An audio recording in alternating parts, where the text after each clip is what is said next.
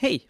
Mikael från Jesusfolket här som hoppas att ni har haft en riktigt fin sommar. Jag och Sara har haft det underbart och för bara några dagar sedan så upplevde jag något väldigt häftigt, en riktig Jesus-upplevelse. Eh, jag har spenderat några dagar i Uppsala, träffat eh, vänner och familj som finns här. Och eh, för några dagar sedan så var jag på besök hos några kompisar, åt middag hos dem och efter vi ätit upp så sa vi, ska vi inte ta och evangelisera lite vid Gottsunda centrum. Så Gottsunda är det området jag och Sara bodde tidigare, där även dessa vänner bor. Och eh, vi begav oss ut med ett litet bord med en kaffetermos och började dela med oss om, om budskapet om Jesus. Väldigt spontant, väldigt enkelt. Och eh, jag bjuder in två stycken män att eh, komma och dricka lite kaffe och prata med oss. De visade sig vara från Sri Lanka.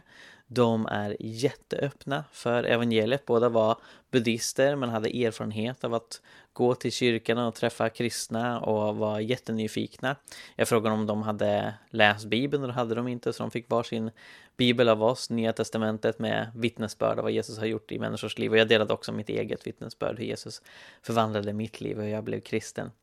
Det var en sån fantastisk upplevelse och någonting som en av dessa srilankiska män ofta återkom till i vårt samtal det var just det här att han ser att det finns så mycket lidande och smärta runt omkring. Det finns så mycket desperation och att han sa vi alla letar efter något sätt att undfly det. Och vårt svar på det var att det är Jesus som kan ge det.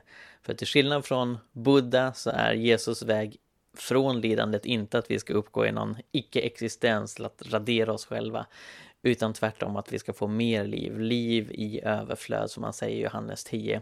Ett liv utan lidande, utan död. Eh, ett liv som det är tänkt att levas.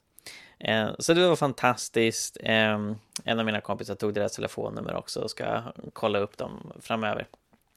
Men det, det som jag tänkte på när, när en av de här srilankesiska männen pratar just om det här, att det finns så mycket lidande, det är ju att det här är förmodligen män, jag frågar inte om det, men förmodligen är det ju personer som har upplevt krig. Alltså Sri Lanka har ju eh, varit ett slagfält i, i så många år i, i regeringens kamp mot de tamilska tigrarna. Eh, och det är en påminnelse om att Eh, krig har varit närvarande för så många människor under väldigt lång tid. Just nu är det lite retorik som att krig har återvänt till världen i och med Rysslands fruktansvärda invasion av Ukraina och så är det ju inte riktigt. Det har varit krig i Europa även under 90-talet och det är förstås massa krig runt om i världen där västländer ofta varit involverade på olika sätt och ibland invaderat andra länder. Så krig är en del av verkligheten och jag tror alla är ju förstås överens om att krig är något fruktansvärt. Vi ska verka för att krig ska minimeras så mycket som möjligt. Men medan den svenska frikyrkan har haft en stark tradition av vapenvägran och icke-våld eh, så verkar det ha tunnats ut. Jag hör mer och mer tankegångar om att ja, det vore ju fint med icke-våld men det funkar inte till en viss punkt utan även om det kan ha viss framgångar ett tag så behöver vi gå över till det som faktiskt fungerar. Det, det är våld, att man har ett pragmatiskt argument för att vi behöver ta till våld, till exempel eh, när det kommer en invasion. Men det här stämmer inte. Och det här är någonting som jag har skrivit en hel del om och som jag även fick eh, förmånen att få tala om på torvkonferensen Eh, nu i juni tillsammans med generalsekreteraren för Kristna Fredsrörelsen Lotta Sjöström Becker. Jag lyfter fram att den forskning som har gjorts som jämför icke-våldsliga motståndsrörelser med våldsamma motståndsrörelser, alltså rörelser som båda har samma syfte att de kämpar mot en auktoritär regim men de använder olika sätt. Då har man funnit att de icke-våldsliga rörelserna haft större framgång. Alltså icke-våld är ett ännu bättre sätt att motarbeta dessa auktoritära regimer. Och man har till och med kunnat se att när regimen är särskilt brutal, när den är särskilt hänsynslös, så funkar icke-våld bet ännu bättre än de våldsamma rörelserna. Och det hänger samman med att det ökar chansen att regimtrogna soldater byter sida. Alltså när de inser att deras egen regim är eh, den onda sidan med en brutal hänsynslös diktator Eh, Eh, så redan det gör ju att de eh, börjar överväga att byta sida. Men i synnerhet om den andra sidan är icke-våldslig så framstår ju den i ännu ljusare dagar jämfört med om det är en rebellrörelse som ägnar massa tid under Rio åt att försöka skjuta och döda de regimtrogna soldaterna. Då är det svårare för dem att överväga att byta sida. Eh, och det finns andra faktorer också. Den här forskningen så lyfte jag fram då på det här eh, seminariet och kopplade an till den eh, rika kristna tradition som har funnits i tusentals år med att eh, vägra döda, med att älska sina fiender. Jag pekar på hur i den tidiga kyrkan så var pacifismen det dominerande synsättet på krig och fred under åtminstone 300 år. Lotta Sjöström Becker, hon delade också Eh, sitt synsätt från Kristna Freds. Som representant från organisation så var hon lite mer bunden i vad hon kunde säga och, och vi tänker väl inte lika i precis allt. Men det vi var överens om var att vi behöver peka på icke-våldet som en strategi som faktiskt fungerar. Av alla de icke-våldsrörelser som har samlat minst 4% av befolkningen eh, så har de lyckats under 1900-talet med att genomföra sina mål. Och det inkluderar mål som regimskifte, det inkluderar mål som att bli av med en ockupationsmakt. Eh, så det finns en kraft i detta som verkligen talar för att när Jesus sa att vi ska älska våra fiender och vända andra kinden till, då gav han oss verktyg som vi kan använda för att faktiskt göra världen bättre, för att motarbeta förtryck utan att vi själva skadar och dödar andra människor. Och det finns något otroligt vackert i det. Så jag ska inte uppehålla er längre med mitt introduktionsprat utan nu får ni lyssna själva på det samtal som jag och Lotta hade på Torpkonferensen med efterföljande frågor. Håll till godo!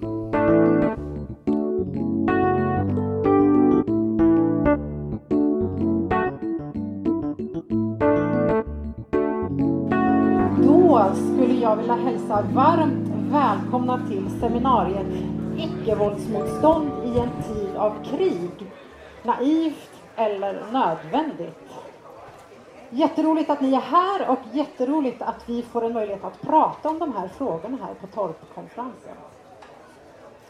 Jag heter Ida Eriksson och jobbar till vardags som verksamhetsutvecklare på Studieförbundet Bilda och sitter också sedan några år tillbaka i styrelsen för Kristna Fredsrörelsen. Här är jag idag som seminarievärd. Vid min sida har jag Mikael Granat, doktorand i teologi och lärare på Akademi för ledarskap och teologi. Och Lotta Sjöström Becker som är generalsekreterare på Kristna Fredsrörelsen. Extra varmt välkomna till er. Beskrivningen av det här seminariet låter så här. Kriget i Ukraina dominerar i media och det offentliga samtalet i Sverige. Diskussionerna kretsar nästan uteslutande om militära händelser och strategier som kan leda till seger. Men hur kan freden vinnas i Ukraina och andra länder där kriget är ett faktum? Vad kan göras nu för att främja hållbar fred? Många tänker att icke-våld innebär passivitet och undergivenhet inför förtryck och våld. Men i själva verket är det en motståndsmetod som kräver både aktiv handling, mod och utbildning. Hur kan trosbaserat engagemang fylla en funktion i detta sammanhang? Mikael och Lotta kommer att prata här en stund och sen kommer det också finnas gott om tid att ställa frågor efteråt. Så samla gärna på er frågor och funderingar under det att de pratar så finns det möjlighet att ge uttryck för dem. Och med det så lämnar jag över ljud och bild till er. Tack så jättemycket. Kan ni alla höra mig bra? Strålande. Jag skulle vilja börja med att citera Jesus.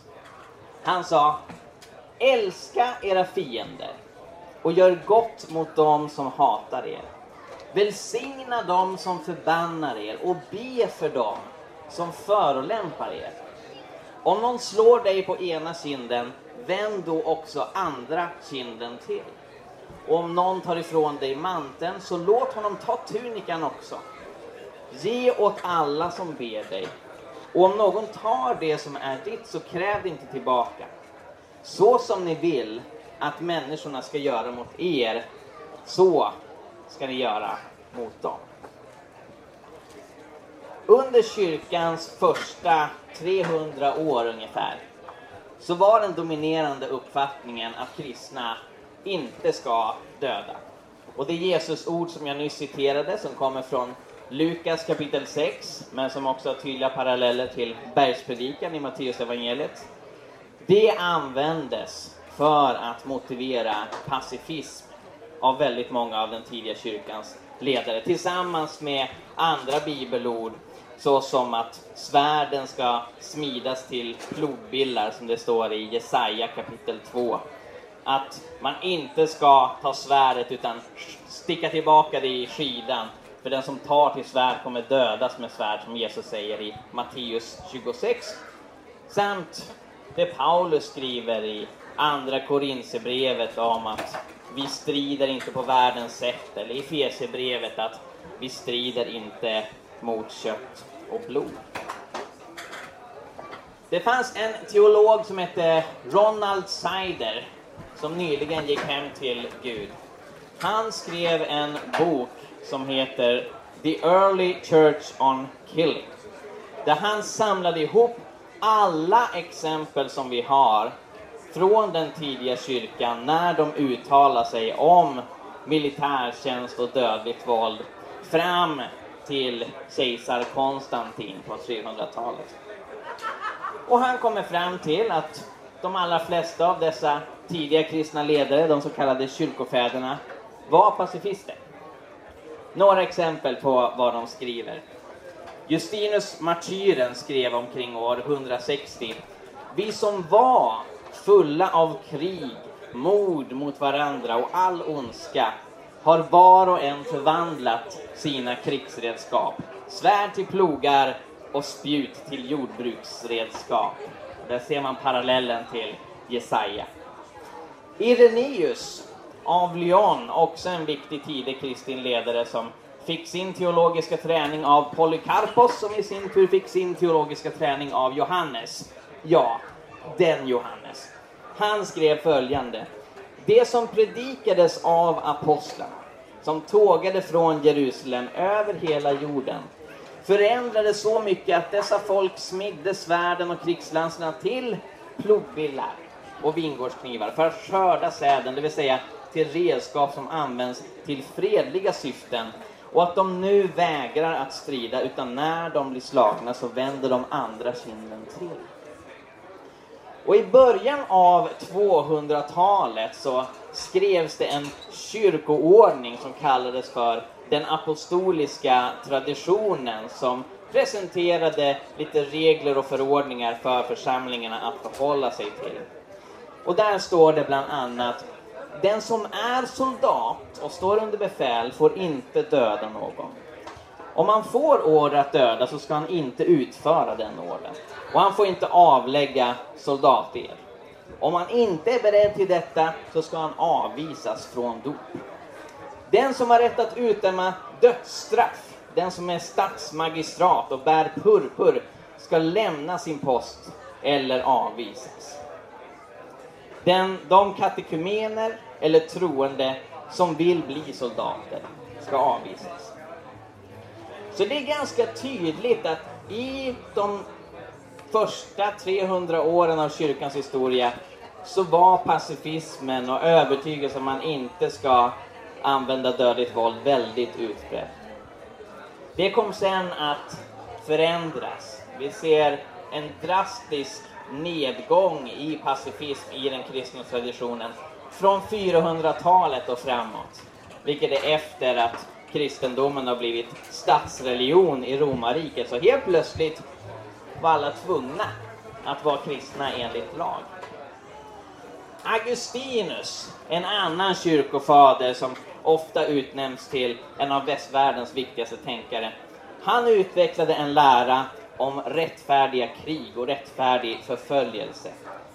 Mycket av den inspiration som man hämtade till den här läran kom från en romersk politiker och författare som hette Cicero, som levde 500 år tidigare. Augustinus menade att älska era fiender och vänd andra kinden till. Det är bildliga uppmaningar. Det är inte någonting som Jesus menar i bokstavlig bemärkelse, utan det Jesus menar är att man ska försöka att inte känna så mycket aggressivitet i sitt hjärta medan man går ut och, och, och deltar i strid. Och Augustinus menade att våld inte bara skulle användas eh, för att försvara sig utan också för att förfölja heretiker. Han skilde på orättfärdig förföljelse som de onda bedriver gentemot Kristi kyrka och så rättfärdig förföljelse som Kristi kyrka bedriver gentemot de onda. På medeltiden så utvecklades läran om rättfärdigt krig och förföljelse av Thomas av Aquino. Han kombinerade Augustinus tankar med tankar från Aristoteles och Platon. Och han menade att kristna kan inte ens älska sina fiender bildligen. Han menar att det här är inte ett bud som överhuvudtaget gäller den här tidsåldern. Det är först i himlen vi kan älska våra fiender. Men här så är det okej okay att känna hat gentemot sina fiender när man deltar i strid. Däremot så menade han att om soldaterna ger upp, då ska de inte behandlas med grymhet. Och det Thomas av Aquino lägger lite grunden för det som sen kom att bli krigets lagar. Dock inte helt och hållet. Thomas gjorde undantag för de som var heretiker och oliktänkande. De förtjänar, skrev han, inte bara att separeras från kyrkan genom bannlysning utan också att separeras från världen genom död. Så även om det här då har varit det dominerande synsättet på krig och våld genom majoriteten av kyrkans historia så har det funnits väldigt många kristna grupper som sagt annorlunda, som avvek från huvudfåran. Och intressant nog så var det just de kristna grupper som förordade pacifism och icke-våld som också argumenterade för religionsfrihet och att kristna inte ska förfölja någon.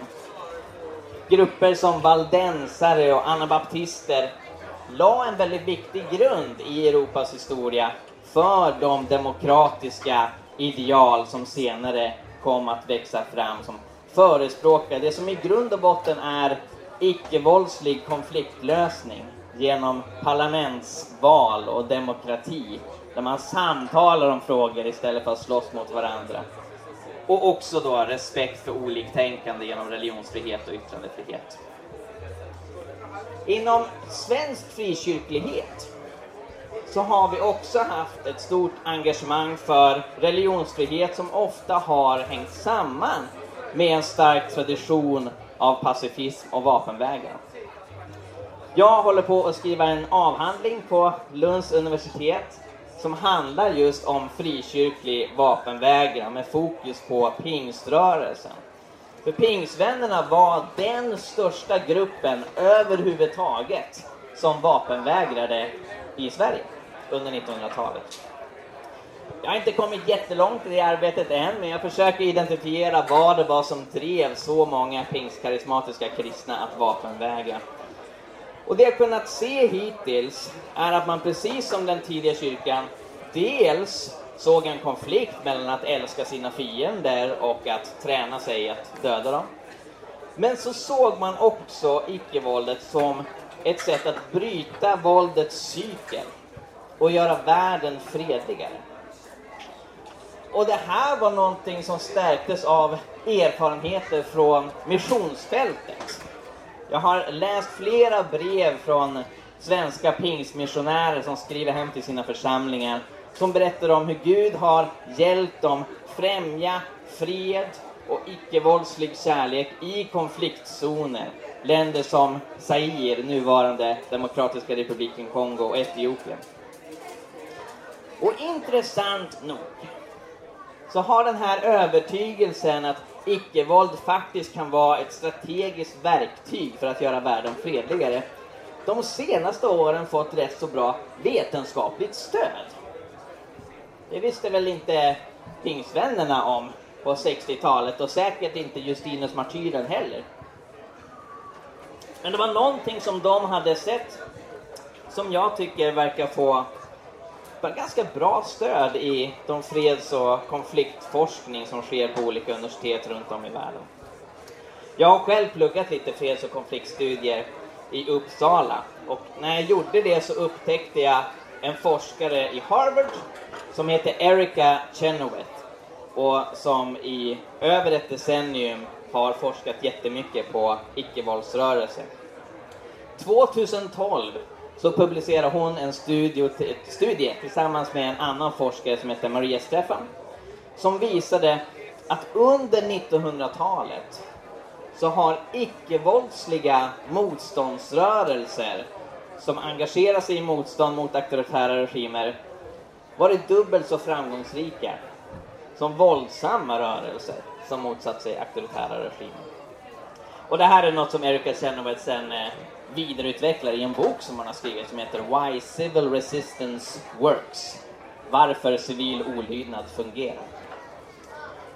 Så det hon och Maria Stefan gjorde var att de samlade ihop data från 300 motståndsrörelser mellan år 1900 och 2016.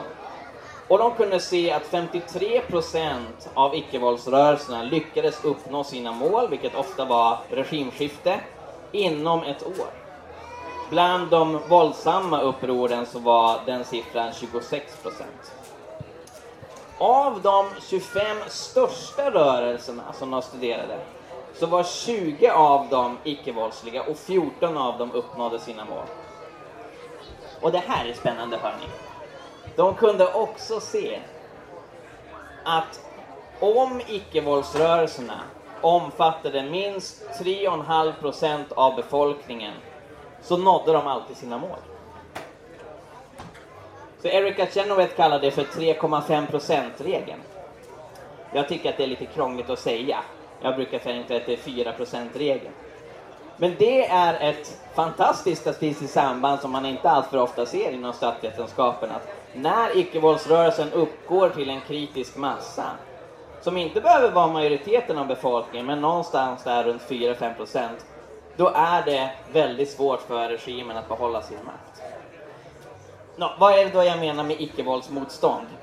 Det handlar inte om att bara sitta hemma i soffan och, och rent teoretiskt tro på icke-våld. Och inte heller är det nödvändigtvis samma sak som att protestera på gatorna, även om det ofta kan ingå.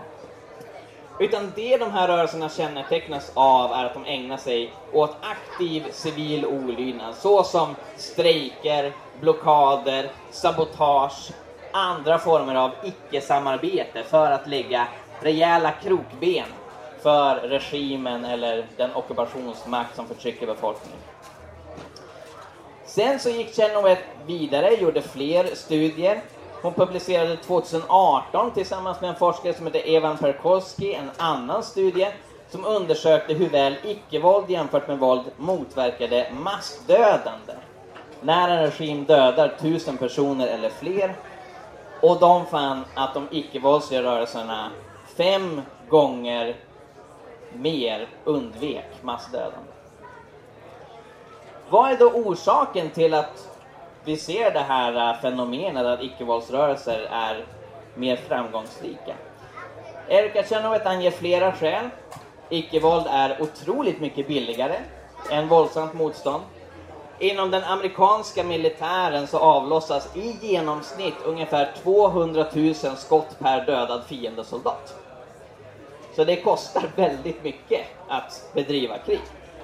Den globala kostnaden för världens militärer är 20 biljoner kronor per år, eller 20 000 miljarder. Men förutom att icke-våld är mycket billigare så kan det rekrytera många fler. Det är en lägre tröskel att gå med i en icke-våldsrörelse. Det finns en större variation av icke-våldsmetoder. Det är ofta psykologiskt svårare för regimtrogna soldater att skada eller döda icke-våldspraktikanter. Medan när beväpnade rebeller kommer och skjuter på dem, då är det lättare för dem att skjuta tillbaka. Och det är också mycket lättare för regimtrogna att helt enkelt byta sida, desertera och förena sig med icke-våldsrörelserna. För några månader sedan så kom det en studie från International Catalan Institute for Peace som undersökte icke-våldsligt motstånd i Ukraina. Och de undersökte specifikt perioden februari 2022 till juni 2022. Så de fyra, fem första månaderna av Rysslands fruktansvärda invasion. De fann att under den perioden så genomfördes det minst 230 icke-våldsliga aktioner för att motverka invasionen. Och flera av dem var väldigt framgångsrika. Bland annat så konstaterar de i den rapporten att det var med hjälp av icke-våldsligt motstånd som Rysslands invasion i norra Ukraina inte kunde ta sig särskilt långt. Och det är otroligt makalöst med tanke på att de icke-våldsinitiativ som tagits i Ukraina har varit relativt oorganiserade. Det har inte berott på en stor institution som militären. Det handlar väldigt mycket om gräsrotsrörelse. Och de har mycket, mycket mindre pengar och resurser än vad militärer har. Ändå så har det funnits en kraft där som inte kan blundas för. Och det är därför jag tycker det är lite tråkigt att när man i Sverige och andra länder pratar om att stötta Ukraina, vilket vi förstås ska göra, så är fokuset nästan exklusivt på att stötta Ukraina militärt och, och skicka Gripenplan och pansarvagnar och, och, vapen. Snarare än att prata om hur kan vi stödja det icke-våldsmotstånd som finns. Och jag saknar också ett samtal om hur kan vi stötta de miljontals ryssar som är emot kriget och som i synnerhet av början av invasionen ägnade sig åt massiva demonstrationer, protester, civil olydnad för att motverka det ryska krigsmaskineriet.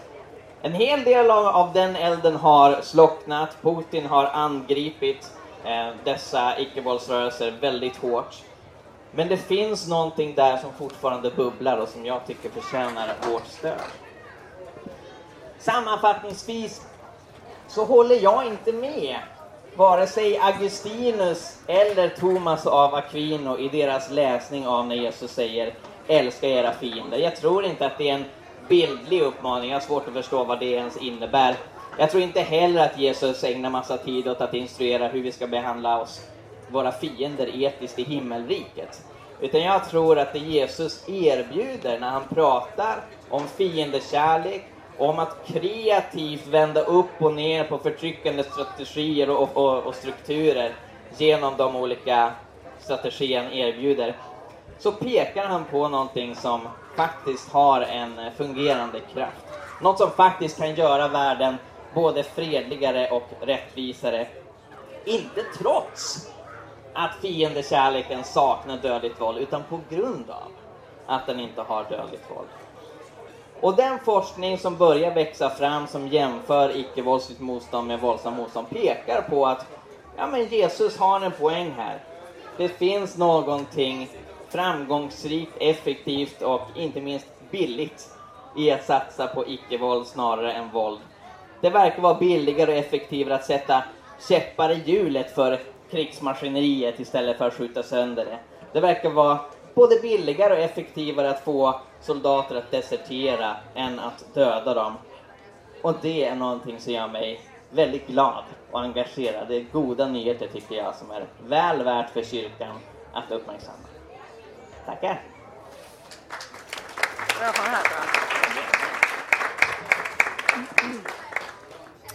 Tack Mikael. Vad, lärorikt. Jag lärde mig en sak eller två. Men jag heter då Lotta Sjöström Becker Jag är generalsekreterare för Kristna Fredsrörelsen. Vi heter också Swedish Fellowship of Reconciliation på, på engelska. Jag kommer nu ta, alltså tänk er att det som nu Mikael har berättat, det finns en svensk fredsrörelse i Sverige som jobbar enligt de här devisen. Den heter Kristna Freds. Jag har äran att få vara generalsekreterare för den. Ehm, jag har varit det i sju år. Innan dess har jag varit ute och jobbat i konfliktdrabbade områden Eh, och jobbat praktiskt med detta på olika sätt. Jag ska inte gå in på det. Eh, I alla fall, eh, Kristna Freds. Om då eh, du Mikael har pratat om eh, det teologiska, historiska perspektivet eh, så är vi då väldigt mycket kanske idealister men också praktiker. Vi vill, vi vill se hur den här övertygelsen kan se ut i verkligheten, hur man kan jobba. Men jag vill börja med att klargöra ett missförstånd som jag tror finns. Och det är att kristna fred skulle vara det fromma alternativet till svenska Freds. Så är det inte. Eh, för 104 år sedan då, när Svenska Freds var 36 år, så var det två präster som bröt sig ur Svenska Freds och startade Svenska Världsfredsmissionen, som vi hette in förut, när vi startades. För att de känner nej men det räcker inte bara med skiljedom, alltså att vi ska skilja vad som är rätt och fel, utan det krävs den personliga tron, den personliga övertygelsen, drivet för verklig fred. Eh, och de sa just det att krig kan aldrig rättfärdigas utan fredliga lösningar måste alltid sökas. Och det är övertygelsen som är det som måste till. Och Kristna Freds har ägnat sig därför åt de klassiska kärnfrågorna om vapenvägran. Men jag tror inte pingströrelsen var med där, så många pingstvänner, eller vad var det du... Det fanns några Ja, pingstvänner. okej, okej, ja. Eh, vi, har, vi har jobbat mot kärnvapen, vi har jo- jobbat mot vapenexport, vi har jobbat med så kallad fredskultur. Men vi är också en del av, härifrån Sverige och via kyrkor i Europa, men vi är också en del av en internationell eh, fredsrörelse som heter International Fellowship of Reconciliation. Och där bland annat i USA väldigt aktiva att utbilda icke-våldsmetoder eh, till medborgarrättsrörelsen på 50-talet. Eh, och på så sätt så är vi inte bara en svensk rörelse, vi är en del av en global rörelse som just är övertygad om att icke-våld är vägen och att vi ska tillsammans gå fredens väg.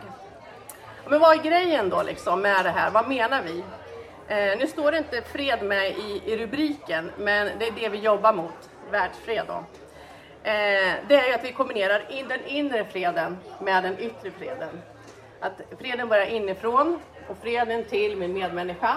Men också att vi tillsammans vill bidra till fred i samhället och en fredlig förändring. Och som Mikael har sagt, vi söker, eh, vi har Jesus. Han är en fantastisk icke-våldsförebild.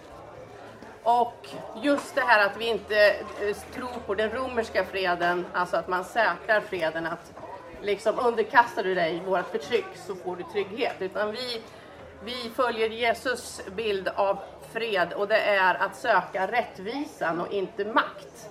Det vill säga att vi eh, då eh, inte är rädda för att utmana makten och föra upp orättvisor till ytan. Så vi vill slå följe för fred. Och bara kort då, liksom, hur omvandlar vi då vår övertygelse till praktik? Och där är det så att jag då, eh, om jag ser lite sliten ut, så, så, eh, så är jag chef för ungefär 45 personer som jobbar med det här. Eh, och i och med att biståndspolitiken håller på att förändras så är det väldigt råddigt med det, tyvärr. Väldigt oeffektivt vill jag bara säga, att göra så här som, som de har gjort regeringen. Men i alla fall. Eh, och då har vi då ungefär 30 personer som jobbar med internationell medföljning i Latinamerika. Det betyder att man med sin närvaro, att jag inte har det pass som finns i den kontext man jobbar, att man är liksom en icke-del av konflikten, att man medföljer människorätts och fredsaktivister och det i sin tur ökar utrymmet för dem att agera och kräva sina rättigheter eller bidra till en fredlig förändring. Och minska risken för hot mot dem också. Vi stödjer syskonorganisationer i Colombia, Sydsudan och Maghreb. Eh, jag tror, ja. Och sen så är det ju så, och det kommer jag komma tillbaka till, att vi i vår övertygelse om icke-våldet och att eh, va, ha en väldigt tydlig maktanalys, att eh, vi tar, lägger stor vikt vid lokalt ägarskap. Så vi kommer aldrig att säga ni borde göra så här. Utan eh, vi eh, kommer om det efterfrågas och berättar att man skulle kunna göra så här eller visar på som eh, goda tidigare exempel. Vi stödjer våra, de vi medföljer och de vi stödjer partnerorganisationer i deras vision genom icke-våld. Det vill säga vi stödjer aktivister som vill någonting, kanske inte världens starkaste administratörer. Men vi väljer inte den lätta vägen. Ehm, och här i Sverige då, vad gör vi? Har ni märkt av vår verksamhet här i Sverige? Eh, vi har ungefär 900 medlemmar, några lokalgrupper. Eh. Om ni känner för att starta en, jättevälkommet. Det vi har gjort på senaste tiden är väldigt mycket icke-våldsutbildningar, alltså olika metoder i att just lära sig de, de praktiska metoder i hur man kan Eh, omvandla konflikter, hur man kan visa civilkurage, alltså stå upp för orättvisor i vardagen, medling eh, och så vidare. Vi kan också eh, ha strategiövningar med er om ni vill. Men också att eh, mycket som jag jobbar med det är påverkan eller att prata om fredspolitik. För är det någonting som, som vi har märkt de senaste 15-16 månaderna är ju att samtalet i Sverige, det handlar inte så mycket om fred, eller hur? Det handlar om att vinna kriget. Och att upprustning är, och NATO är svaret. Eh, så därför vill jag bara visa då att vi kommer ge ut en bok.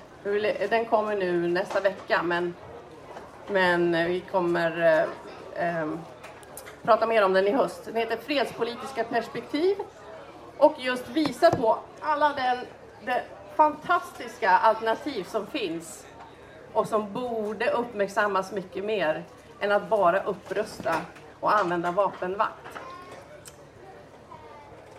Så det gör vi. Ehm, men jag tänkte det att det är den brinnande frågan som, som många av våra medlemmar tycker är superviktigt att eller superviktigt, supersvårt att prata om är just kriget i Ukraina när man är pacifist, när man tror på icke-våld, när man inte tror på att exportera vapen är svaret. Vad säger man då? Vad säger vi som fredsrörelse? Så vi som fredsrörelse då, inte jag som person, utan som fredsrörelse, så, så menar vi att Rysslands invasion av Ukraina är ett folkrättsvidrigt angrepp. Så det, det, finns ingenting som, som, som kan stödja det. Och tyvärr har ju säkerhetspolitiken bara fokuserat på upprustning. Och Sverige då, med sin tradition av alliansfrihet och att vi inte skulle vara medlem i NATO, har då svängt 180 grader. Jag vet inte om ni håller med mig om att jag upplevde någon slags känslomässig tunnelseende av våra politiker. Det var liksom bara vup, så var det liksom NATO är svaret. Um, så, om ni tvivlar så, eh, så fördömer Kristna Freds kategor kategoriskt Rysslands invasion av Ukraina. Det är ett brott mot folkrätten. Men eh, det som är då klurigt och som jag vill också prata lite om det är ju, ja men vad säger vi då om eh, vapenexport till, eh, till Ukraina och vad säger vi om eh, Ukrainas rätt till självförsvar? Vi är ju ändå en icke-våldsrörelse. Och det är ju så att vi tror på folkrätten. Folkrätten är ett utmärkt internationellt rättssystem som vi eh, jobbar och stödjer oss mot. Ehm, och även om FN-stadgan förbjuder våldsanvändning så erkänner den rätten till självförsvar. Ehm, men vi, så, så, det är inte där vi, vi, eh, då, vi menar att Ukraina har ett folkrättsligt rätt till väpnat självförsvar. Men det vi tycker det är att omvärlden ägnar alldeles för lite resurser, tid och makt till att skydda Ukraina med andra medel. Vi förespråkar aldrig våld och vi eh, vill dock inte fördöma, alltså moraliskt sätta oss över att de nu eh, ofta att de efterfrågar eh, mer vapen, att de eh, försvarar sig med vapen. Men vi som fredsrörelse då, vad vill vi? Och då vill jag citera en, en professor som heter Jörgen Johansen. Och han säger När bomberna faller sitter även icke-våldsaktivisterna i bunkern. Jag tycker det perspektivet är viktigt för att eh, ofta så får vi ju frågan eh, om du tycker det är fel att exportera vapen till Ukraina, vad ska vi göra då? Liksom? Och det är som att du ställer dig alldeles för nära en, en stor eh, målning, en stor bild och tittar bara på ena hörnet. Liksom. Du måste se hela perspektivet och lite som Mikael jobbar, titta på historien, titta långsiktigt framåt. Vad finns det för, för, eh, för möjligheter? Det som vi då eh, trycker på det är att det behövs aktiva icke-våldsmetoder. Och det som man kan liksom då vara tydlig med när det gäller just Ukraina, det är att den utmärkta forskning som Erika Chenoweth har gjort, som du refererar till, gäller dock inte invasionskrig. Så det är ett nytt fält att forska på och, och se resultaten. Men att, som Mikael redan har, har visat, så har det ju redan skett mycket icke-våldsaktioner eh, i Ukraina. Men vi är väldigt ödmjuka i att säga hur det kommer ske i Ukraina. Det har kommit ett upprop från eh, ukrainska icke-vålds och fredsaktivister eh, som eh, tydligt säger att vi, ukrainarna, måste få bestämma när det ska vara förhandling, vad som ska förhandlas och när vi ska förhandla. Och det är väldigt i linje med hur Kristna Freds jobbar. Ehm, men det gör ju också att eh, vi måste förstå att vi som sitter här och känner att jag vill vara radikal, jag vill liksom säga nej. Vi sitter ju här i fredliga Sverige med mätta magar och massa privilegier. Eh, vi måste vara ödmjuka och förstå att här gäller det att lyssna och se vad vi kan komma in och stödja när det ukrainska civila samhället säger så. För grejen är ju den att icke-våldslig eh, handling, det kräver ofta förberedelser och träning, övning. Men framför allt, om du jobbar med icke-våldsmetoder i en, en eh, våldsdrabbad region så innebär det också väldigt stor risk. För dig själv personligen, för din grupp och så vidare. Så det är också varför vi är väldigt ödmjuka att säga varför gör ni inte mer icke-våldsliga aktioner i Ukraina? Och det är en nyckel till hur vi jobbar i, eh, i internationellt, det är att vi, vi analyserar och lyssnar in kontexten supernoga. För att inte sätta oss själva eller andra eh, för högre risk. Men med det sagt så måste vi försöka hitta eh, bredare perspektiv att diskutera. För att ja, det pågår ett fruktansvärt invasionskrig i Ukraina, men det pågår också krig och eh, väpnade konflikter på många delar av jorden. Eh, och vi måste klara av att hålla eh, även det perspektivet. Men vi menar att Sverige och andra länder kan göra så mycket mer redan nu.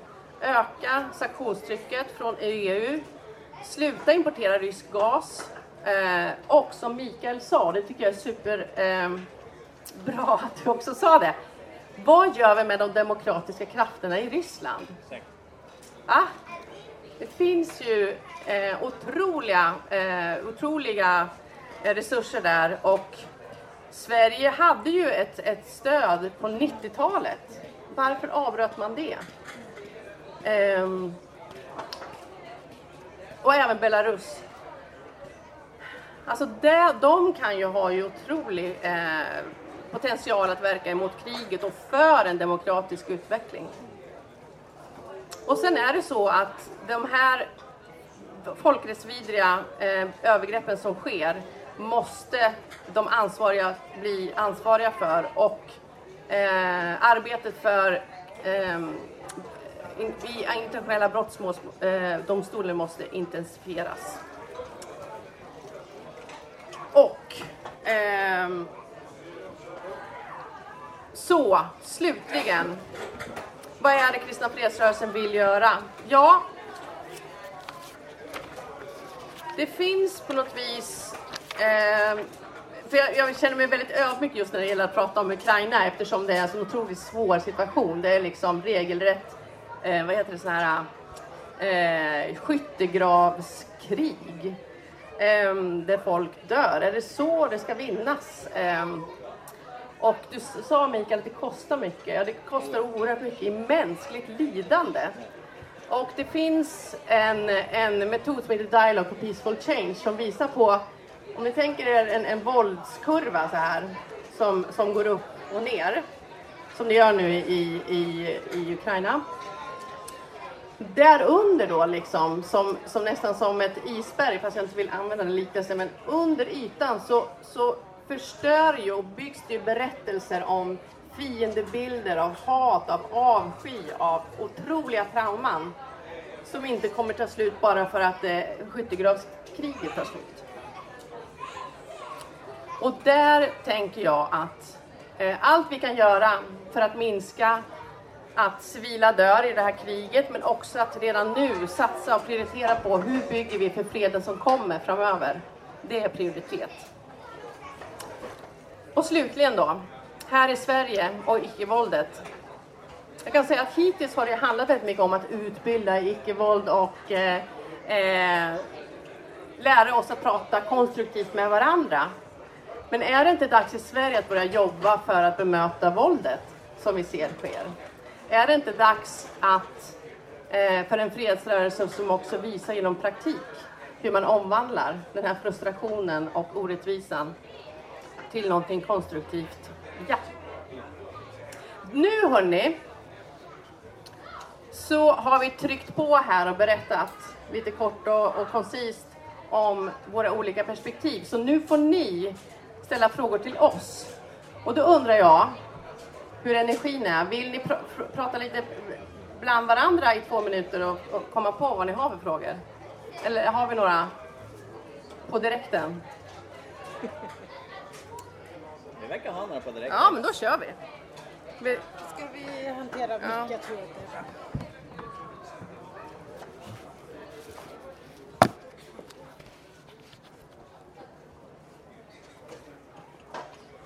Tjena, jag tänkte bara kolla om eh, ni två tänker lika där, men inte självförsvar, eh, våld menar du? Jag tänkte det du sa om, eh, om självförsvar. Om Mikael och du tänkte likadant. Vad sa du nu om? Du sa någonting kanske i förbifarten, men att, själv, att ni i era stadgar stödjer rätten till självförsvar och sånt. Är det inte självförsvar våld då? Tänker du? Jo, men eftersom vi har principen att eh, vi kan inte tala om för andra om hur de ska eh, tolka folkrätten. För folkrätten tror vi på. Och folkrätten säger att rätten till självförsvar. Ja. Men eh, det gör inte att vi tycker det, att vi förespråkar den.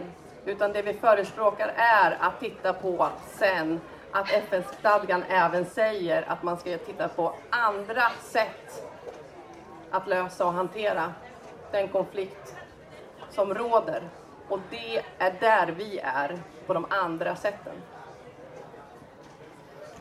Och jag, som eh, inte representerar en organisation utan bara mig själv. Jag tänker att det är väldigt viktigt just att bredda begreppet försvar, för det är så förknippat till militärt våld i vår kultur. Till den grad att väldigt många av världens krigsmakter har bytt namn till Försvarsmakten, inklusive Sveriges.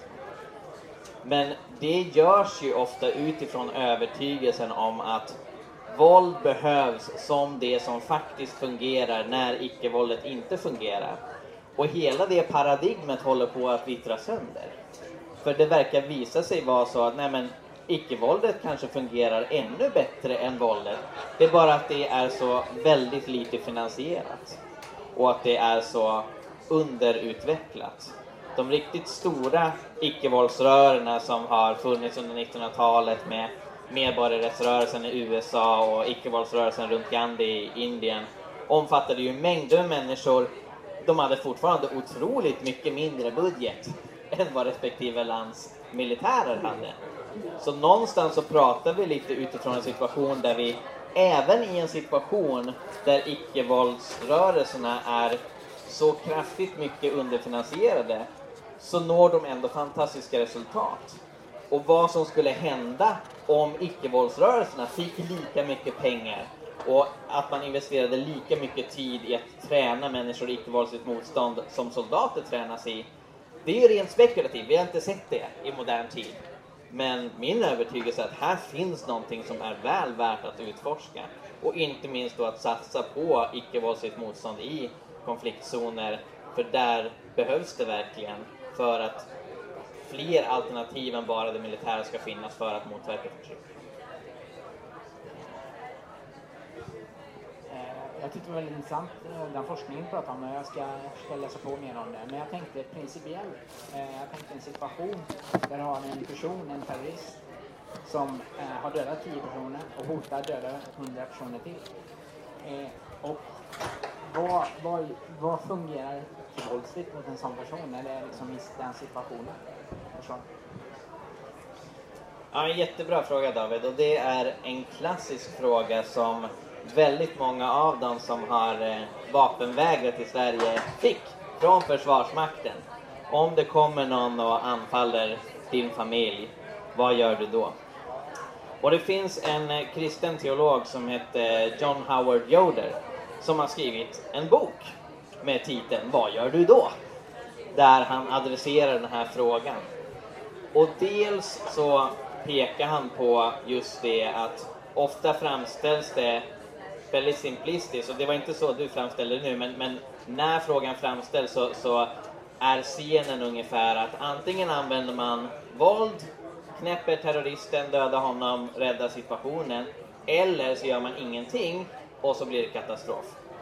Och John Howard Yoder menar att det är en falsk dikotomi, eh, en falsk tvådelning. I själva verket så är verkligheten mycket mer komplex. Och som jag tror jag nämnde tidigare, icke-våldsmetoder är nästan gränslösa. Det finns så många olika sätt att göra.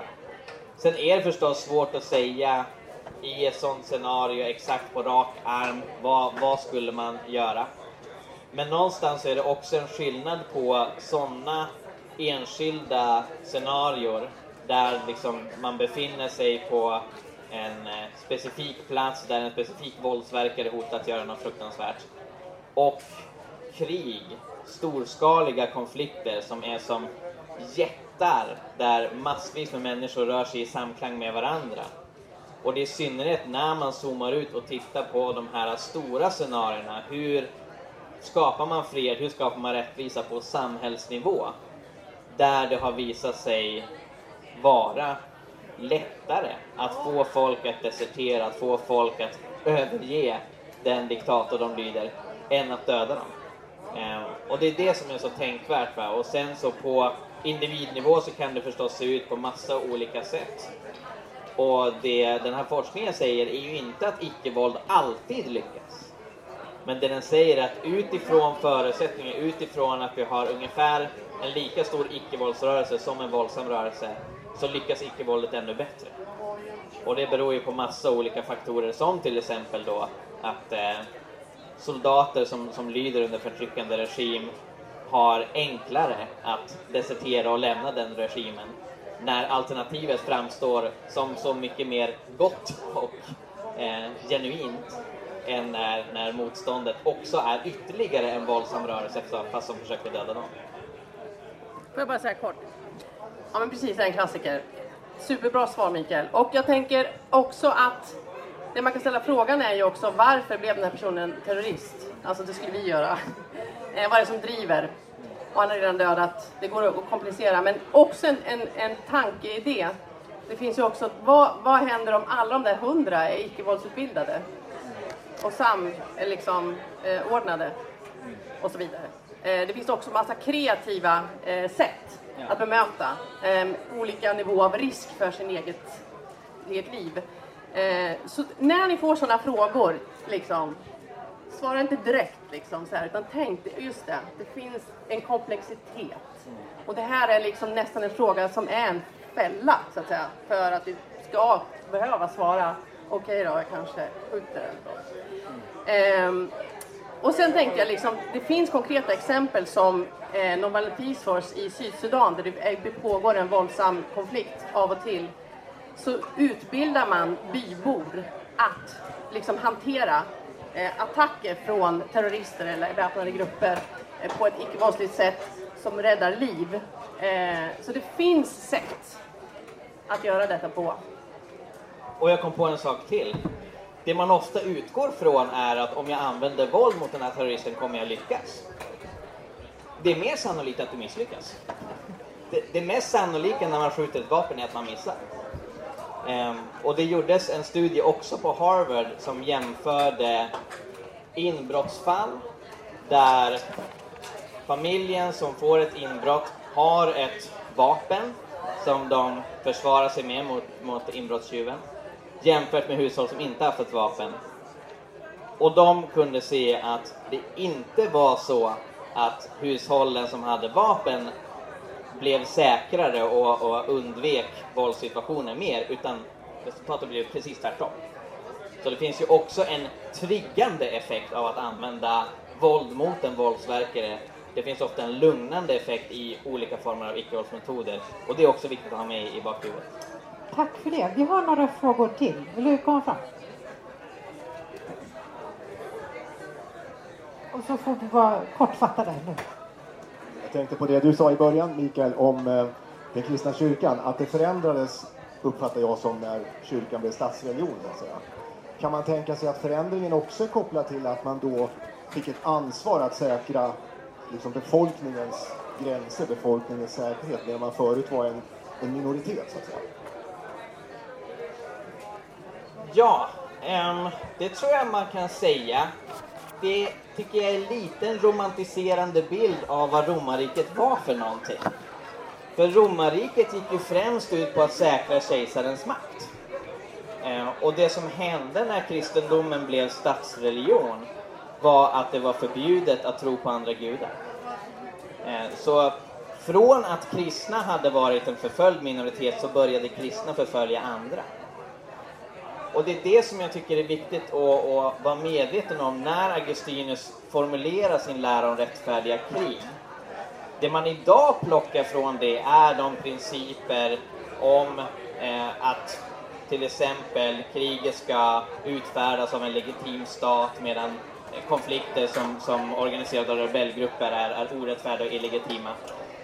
Det är lite att plocka, plocka russinen ur kakan, för Augustinus var främst angelägen om att bevara den kristna läran från heresier, från oliktänkande. Och det skulle ske med våld. Så det var inte bara att man kände ett ansvar att skydda civilbefolkningen från yttre angrepp. Man ville också bevara civilbefolkningen från sina egna idéer. Och därför så, så var den tidiga läran om rättfärdig krig också en lära om, om rättfärdig förföljelse, att med våld driva bort de felaktiga tankar som fanns om Gud, om livet, om allting. Jag bara kort bara säga. Ja. Nej, men, och då bara koppla till idag då att, att, att fredsforskningen har ju även bekräftat det här att att det, den romerska freden är ju den negativa freden. Eh, den fred som är stabil men utan rättvisa och nödvändigtvis, inte nödvändigtvis eh, demokrati. Utan den positiva freden behövs, eh, som vi pratar ofta om, eh, som inkluderar demokrati och rättighet och där alla eh, behandlas lika och eh, finns med. Ja. Ja, ehm, eh, fråga är lite grann kring det här. Jag tycker det är väldigt intressant eh, det ni pratar om. Men det här ifall man inte har en försvarsmakt och Sverige skulle dra ner ännu mer nu. Vad, hur, hur förhåller man sig då som pacifist till att Ryssland inte skulle kunna invadera Sverige? Eller att man tänker att låt oss bli invaderade för att sen göra eh, icke-våldsligt motstånd därefter. Samma sak med Ukraina, ifall väst inte eh, ger vapen till Ukraina då skulle ju Ryssland förmodligen redan vunnit nu. Men eh, då, den, den tankegången att låt Ryssland invadera Ukraina och sen får det vara icke-våldsligt motstånd där. Hur förhåller man sig där som pacifistiskt synsätt? Ska du, ska jag, ja precis. Nej, okej. Okay. Ja men jag kan också svara. Vill du att jag börjar? Okej. Okay. Ja. Nej, men det är en jätteintressant fråga och som vi pratar mycket om som rörelse. Eh, det är ju ingenting som, som eh, alltså så här, om, det, om, man tänker på vad Kristna Freds driver för fredspolitik i Sverige nu så är det inte vår number one att, att vi ska lägga ner försvaret. Sen så visar ju forskning på att, eh, att just att det är en strategi att inte göra motstånd när du blir invaderad för icke-muslimskt motstånd under ockupation. Det är väldigt svårt för en ockuperande makt att behålla den när du har en väldigt motiverad eh, befolkning som gör icke-mänskligt motstånd. Men det är ingenting som vi aktivt jobbar med just nu. Men det är absolut en, en möjlighet. Nej, men precis. Lotta nämnde tidigare att de studier som då har gjorts av bland annat Erika Chenoweth som jämför icke-våldsligt motstånd med våldsamt motstånd ju inte har tittat på när man gör icke-våldsligt motstånd under en invasion. Eh, och det är för att det är väldigt ovanligt. Nu har ju det skett i Ukraina i liten skala Mm. parallellt med att Ukraina förstås också ägnar sig åt våldsamt motstånd. Så det, det finns ju där. Va? Men det har ju inte funnits i modern tid någon form av eh, icke-våldsarmé eller ett icke-våldsförsvar. Det var en hel del på 60 och 70-talet som argumenterade för att, att det här är någonting som, som vi bör titta på. Men det satsade man ju inte på. Så i grund och botten så är det ju lite en, en dimridå. Vad skulle hända om det fanns ett organiserat icke-våldsförsvar under en invasion? Det man dock kan säga är att om man har blivit invaderad, vilket ju även är resultatet om det våldsamma motståndet misslyckas, eh, det är att just en befolkning som är fast övertygad om att inte acceptera förtryck och har lärt sig principer för civil olydnad, för icke-samarbete. Om en tillräckligt stor del av befolkningen, och den behöver inte vara alltför stor, det kan som sagt räcka med 4-5 procent. Om tillräckligt många är enade i det så kommer ockupationsmakten, oavsett om det är Ryssland eller vad det än skulle kunna vara, inte kunna behålla makten. Och det gäller även Ukraina. Och det tycker jag är väldigt hoppfullt. Oavsett hur det här går med det här förfärliga kriget så kommer Putin inte kunna behålla makten över Ukraina om tillräckligt många ukrainare helt enkelt vägrar samarbeta med de nickedockor som han sätter in som, som deras ledare. Och det är ja, men ett budskap som jag verkligen hoppas att kyrkan kan hjälpa till att sprida. Kolla här! Det finns någonting starkt och otroligt strategiskt och bra i den grund som Jesus la ut för 2000 år sedan genom att prata om att älska våra fiender snarare än att döda dem. Vi hinner en sista fråga. Vapenindustrin tjänar ju just nu enorma summor på att sälja. Och det används ju till dels till vapen men också till att lobba för vapen. Hur ska vi kunna vrida så att vi får mer pengar till icke-våld och till jobba Svenska Freds med det och hur i så fall? Vilken bra fråga. Ja. Får jag börja så Ja, kan du fylla i sen. Det här är ett så viktigt eh, perspektiv att ha. Jag tror vi alla, oavsett var vi landar i, i frågan om, om pacifism och vapenvägen, är överens om att krig är något fruktansvärt som vi ska minimera. Det är inte alla i världen som tänker så. Det finns starka ekonomiska krafter som aktivt lobbar för att det ska fortsätta finnas konflikter i världen. Och tyvärr har eh, även Sverige bidragit till att förlänga konflikter genom att exportera vapen till krigförande länder. Eh, jag läste i något, eh, det var någon liten folder som ni gav ut i Kristna Fred för några år sedan om svensk vapenexport.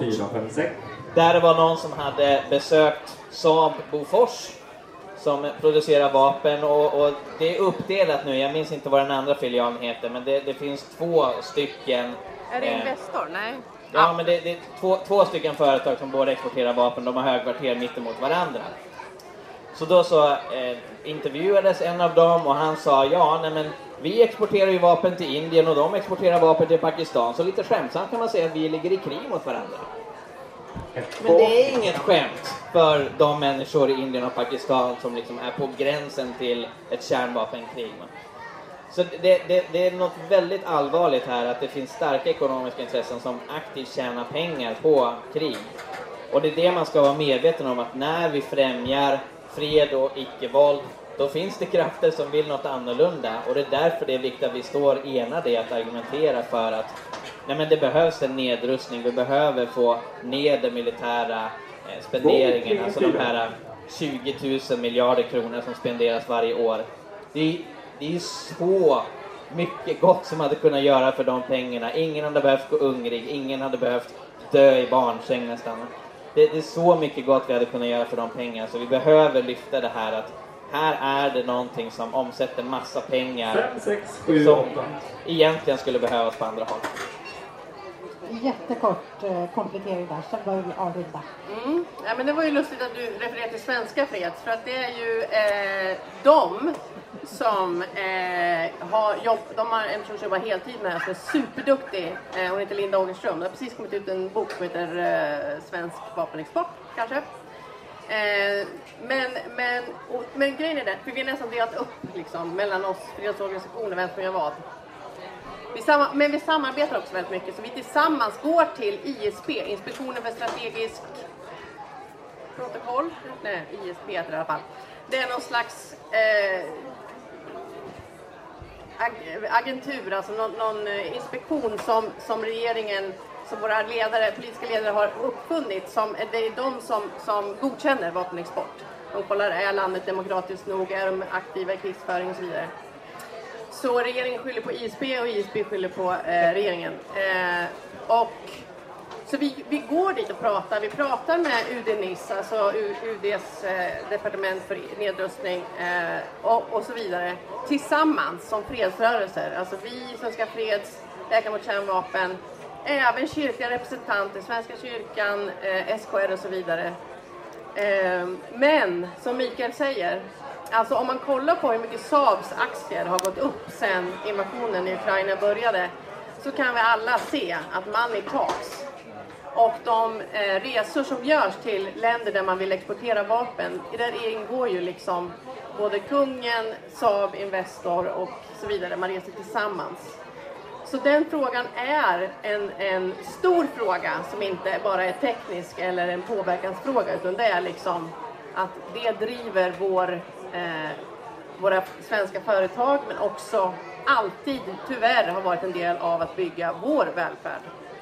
Och där tror jag att vi får sätta punkt. Jag har noterat att det har viftats med flera händer här, men vi kan se det här som ett påbörjat samtal. Söker till varandra, söker till Kristna Freds, till Svenska Freds, Sök upp andra som eh, vill mötas i de här frågorna så kan vi fortsätta samtalet och fortsätta att bli fler som vill lyfta det här perspektivet i våra församlingar, i våra lokala samhällen och i Sverige och världen. Tack för att ni kom. Ni får jättegärna skanna QR-koden på er biljett och eh, skriva vad ni tyckte om det här seminariet. Tack!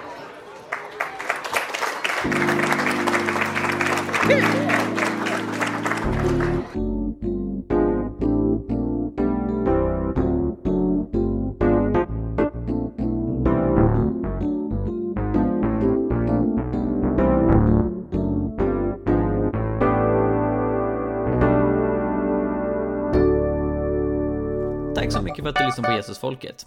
Om du vill höra mer så se till att prenumerera på iTunes, Spotify eller valfri podcastapp. Du kan också lämna en recension, vilket är en eh, liten grej att göra som hjälper oss väldigt, väldigt mycket, så det uppskattar vi verkligen. Eh, du kan också läsa vår blogg, Hela Pingsten. Vi har mängder med artiklar där om andens gåvor, evangelisation, fred, rättvisa och allt möjligt annat som har med lärjungaskap att göra, så kolla in det. Och vi finns på sociala medier, du kan följa både Jesusfolket och hela pingsten på till exempel Facebook. Tack så mycket, Gud välsigne dig och eh, fortsätt vara en del av Jesusfolket.